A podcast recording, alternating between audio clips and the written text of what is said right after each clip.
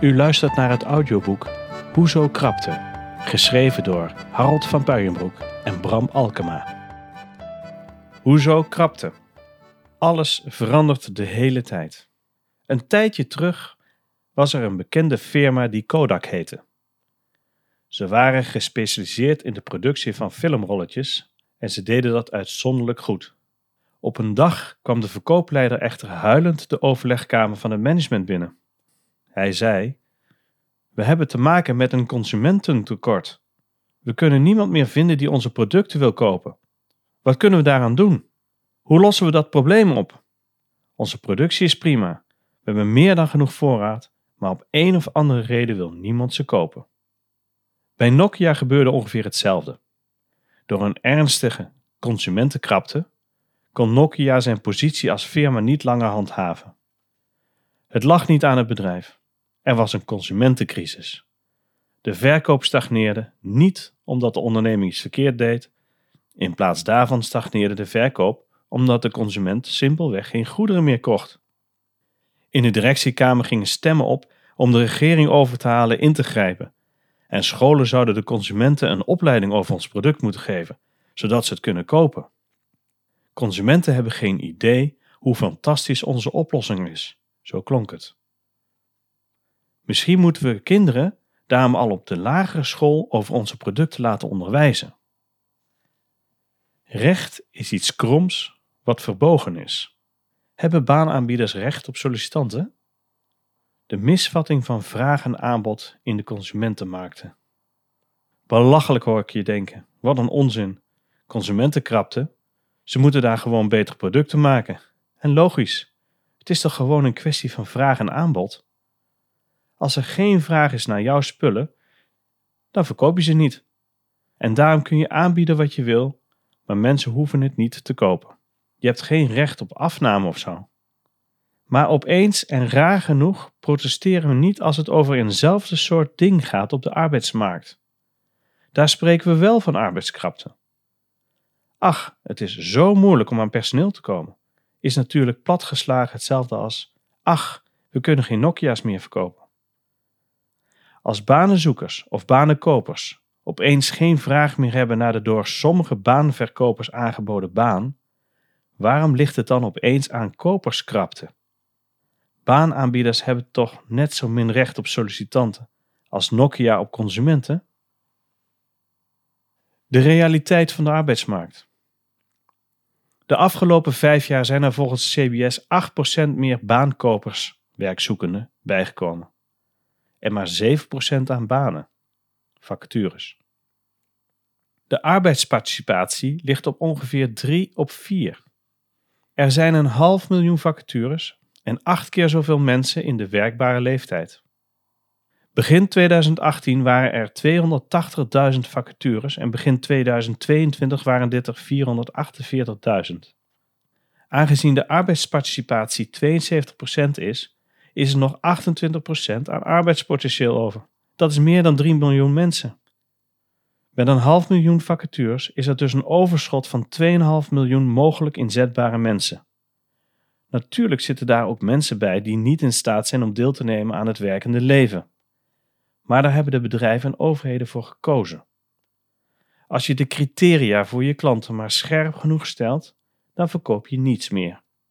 Er zijn nog wel meer mensen die kunnen en willen werken, Alleen, en daar komt hij, niet bij jou tegen dezelfde voorwaarden van gisteren. Net als bij Nokia en Kodak heb je als bedrijf geen eeuwigdurend recht op een gelijkblijvende arbeidspotentieel en op precies dezelfde sollicitanten als 20 jaar geleden. De wereld verandert. En ja, natuurlijk, sommige bedrijfsmodellen kunnen niet meer uit als we tegemoet moeten komen aan de vraag van de huidige banenkopers, de werkzoekenden. Maar als er een mismatch is tussen vraag en aanbod, is het raar om te doen alsof het aan de vraag of het aanbod ligt. Is het echte krapte of zit het tussen de oren? Waarschijnlijk zou je nu denken: ja, jij hebt makkelijk praten. Maar ik zit in de problemen omdat de productie stil ligt. Wat maakt het uit of je het krapte noemt of een mismatch? Ja, dat zie ik ook. We hebben de afgelopen jaren gemerkt hoe moeilijk het is voor bedrijven om een personeelsbestand te behouden, nieuwe medewerkers te vinden en productie te draaien. Bij gevolg nemen we een toename waar van hulpvragen aan de overheidsinstanties en scholen. Maar die kunnen niet helpen, want die denken net zo. Laten we wel zijn. De fiscus heeft verzonnen wat een werknemer is. De vakbonden en scholen hebben hun diensten daaraan aangepast. En bedrijven kunnen niet langer naar een arbeidsmarkt kijken zonder gebonden te zijn aan allerlei wegversperringen, die wettelijk en fiscaal opgelegd worden, zoals bijvoorbeeld leeftijd, ziektewet, ontslagrecht, reïntegratie enzovoort. Het probleem is dat veel bedrijven, zeker met bedrijfsmodellen die net niet meer uit kunnen, met onvermumbare fiscale arbeidsvoorwaarden niet durven te bedenken dat de oorzaak van de mismatch wel eens bij hunzelf ligt. Die ligt natuurlijk bij een ander: de overheid, scholen en de sollicitanten. Dat is het denken waar Nokia en Kodak aan kapot gingen. De schuld aan krapte op de arbeidsmarkt geven lost je probleem niet op. Apathisch blijven zitten waar je zit en je handen in de lucht gooien ook niet. Airbnb. Waarom is Airbnb zo snel gegroeid? En hoe hebben ze hun dienst zo snel op de markt kunnen brengen? Voor sommigen zal het volkomen logisch zijn, terwijl het voor anderen misschien nieuw is. Maar het belangrijkste wat ze deden was luisteren naar de markt. Ze hadden een goed idee en waren bereid dit aan de wensen van de markt aan te passen. In dit geval hebben we het over de consumentenmarkt. Ze ontdekten dat door met zowel verhuurders als huurders en daarmee hun gebruikers van hun dienst te spreken, ze in een onvervulbare behoefte voorzagen. Ze creëerden er een bedrijf omheen met resultaat. Ze keken naar wat ze nodig hadden om een product of dienst te leveren en gingen verder door te onderzoeken wie hun klant is en die te segmenteren. Zo konden ze het probleem en de problemen waarmee die personen te maken hadden beter begrijpen, evenals eventuele levensdoelen die gesteld waren. Google. Wat moet je weten voordat je je ziel verkoopt aan Google? Dit is hoe de marketing de laatste 15 jaar is veranderd. Van folderproducenten en websitebouwers naar bedrijfsontwikkeling, dienst- en productcreatie. De marketeers in de ondernemingen zijn gaan nadenken over verschillende inkomstenstromen als gevolg van hun aanbod aan de markt. Ze hebben nagedacht over hoe de consumentenmarkt in elkaar zit en over andere mogelijkheden om van klanten middelen te verkrijgen waar ze later van kunnen profiteren. Verdienmodellen. Neem bijvoorbeeld Google en hun verdienmodellen. Ze zijn een betaalde dienst, maar dat weet en merk je niet. In wezen verkoop je je ziel. Ze weten alles over je door het gebruik van een zoekmachine en ze gebruiken die informatie om advertenties en bevooroordeelde resultaten aan jou en anderen te slijten. Een geweldige zet. Hun verdienmodel is informatie die ze weer in een ander businessmodel gebruiken als resource. Maar hoe is dit relevant voor de arbeidsmarkt? Waar de consumentenmarketing volop ontwikkeld is, is de arbeidsmarketing een ondergeschoven kindje. Arbeidsmarketing kan een hoop leren van de consumentenmarketing, maar genoeg om de arbeidskrapte op te lossen? Omdat wij ook in de werving en selectie hebben gewerkt, begrijpen we het businessmodel van deze bedrijfstrak vrij goed. En voor elk bedrijf geldt: als er geen markt is, creëer je een markt. En als er geen probleem is, creëer je een probleem. Dat ga je dan oplossen. Dat geldt dus ook voor de bedrijfstak van werving en selectie en de arbeidsbemiddeling. Te cynisch? De realiteit van de arbeidsbemiddelingsbranche. De vervingsindustrie en de arbeidsbemiddelingsbranche bloeit door het huidige verschijnsel van het tekort aan arbeidskrachten.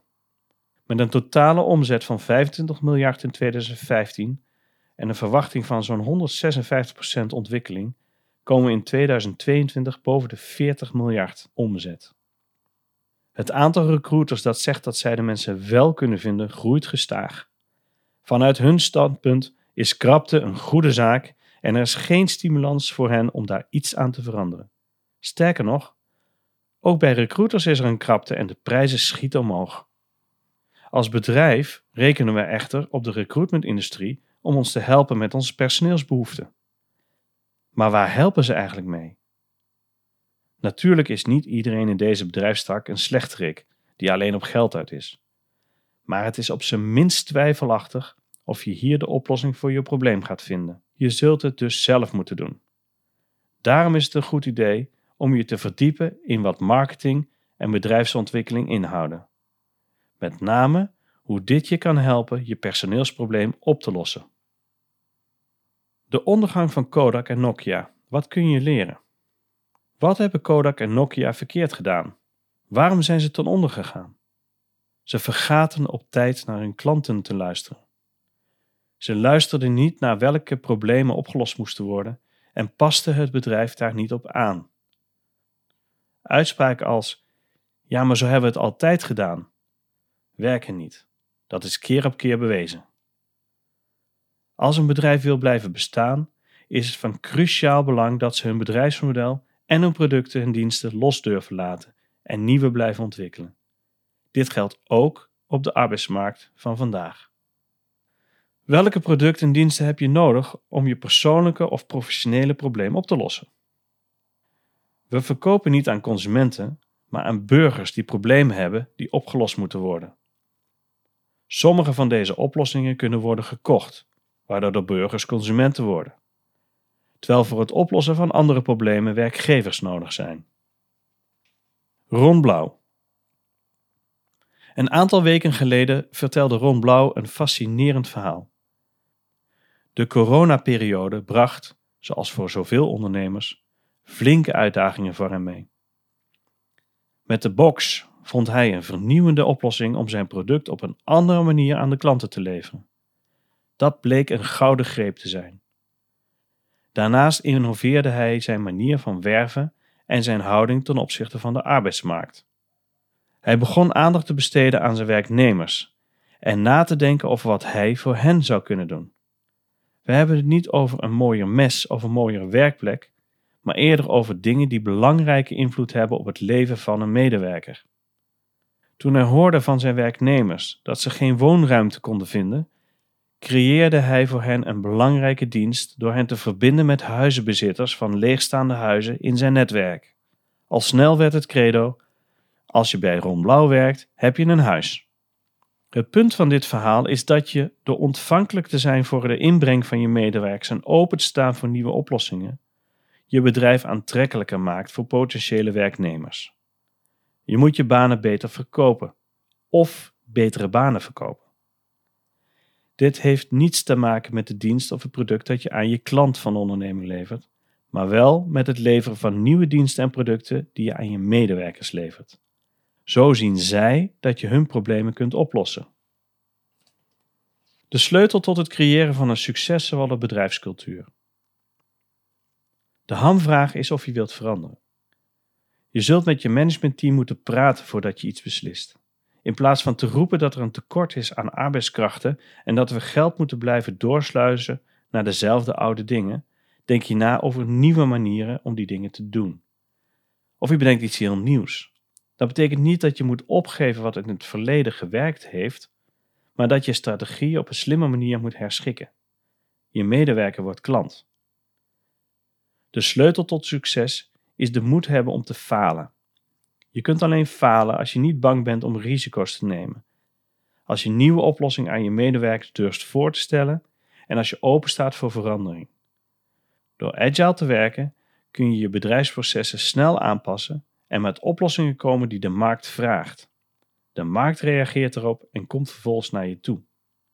Ga dus niet in je kamer zitten om mogelijke antwoorden te bedenken, maar praat liever met de mensen op de arbeidsmarkt. Doe onderzoek naar een werkende oplossing. Dus wat gaan we morgen doen? In kaart brengen waarom je huidige medewerkers bij je werken. Openstaan voor oplossingen die misschien vreemd in de oren klinken. De medewerker als klant zien en een businessmodel maken van je onderneming met je medewerker en latent werkzoekende als klantsegment. En je huidige marketing van diensten en producten en klanten laten samengaan met die nieuwe klantgroep, de medewerker. U luistert naar het audioboek Hoezo Krapte, geschreven door Harold van Puijenbroek en Bram Alkema.